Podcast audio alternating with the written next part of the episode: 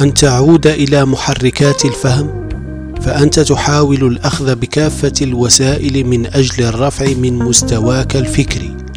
وبهذا يعيد الإنسان أهم ما يمكن استخدامه بهذا المجال إلى مكانه الأصلي أو بالأحرى العملي أن يتسنى له النظر بدقة إلى الظواهر وفق ما تمليه الظروف عليه.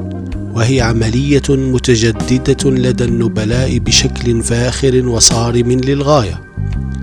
استهلاك الأدوات التفكيرية أثناء التأمل أمر طبيعي ومع ذلك يصبح من اللزوم الأخذ بكافة المسوغات حتى يصل الفرد إلى أقرب الالتفاتات لجوهر ما هو بصدد التمعن فيه.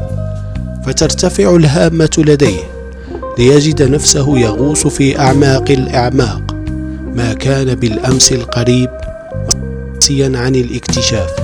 وعليه فإن التفكير ظاهرا يبدو للوهلة الأولى أو البدائية ضربا من الجنون قبل أن يظهر بمظهر الجليل الذي ينير طرق الإنسانية بانتظام وبلا مجاملات.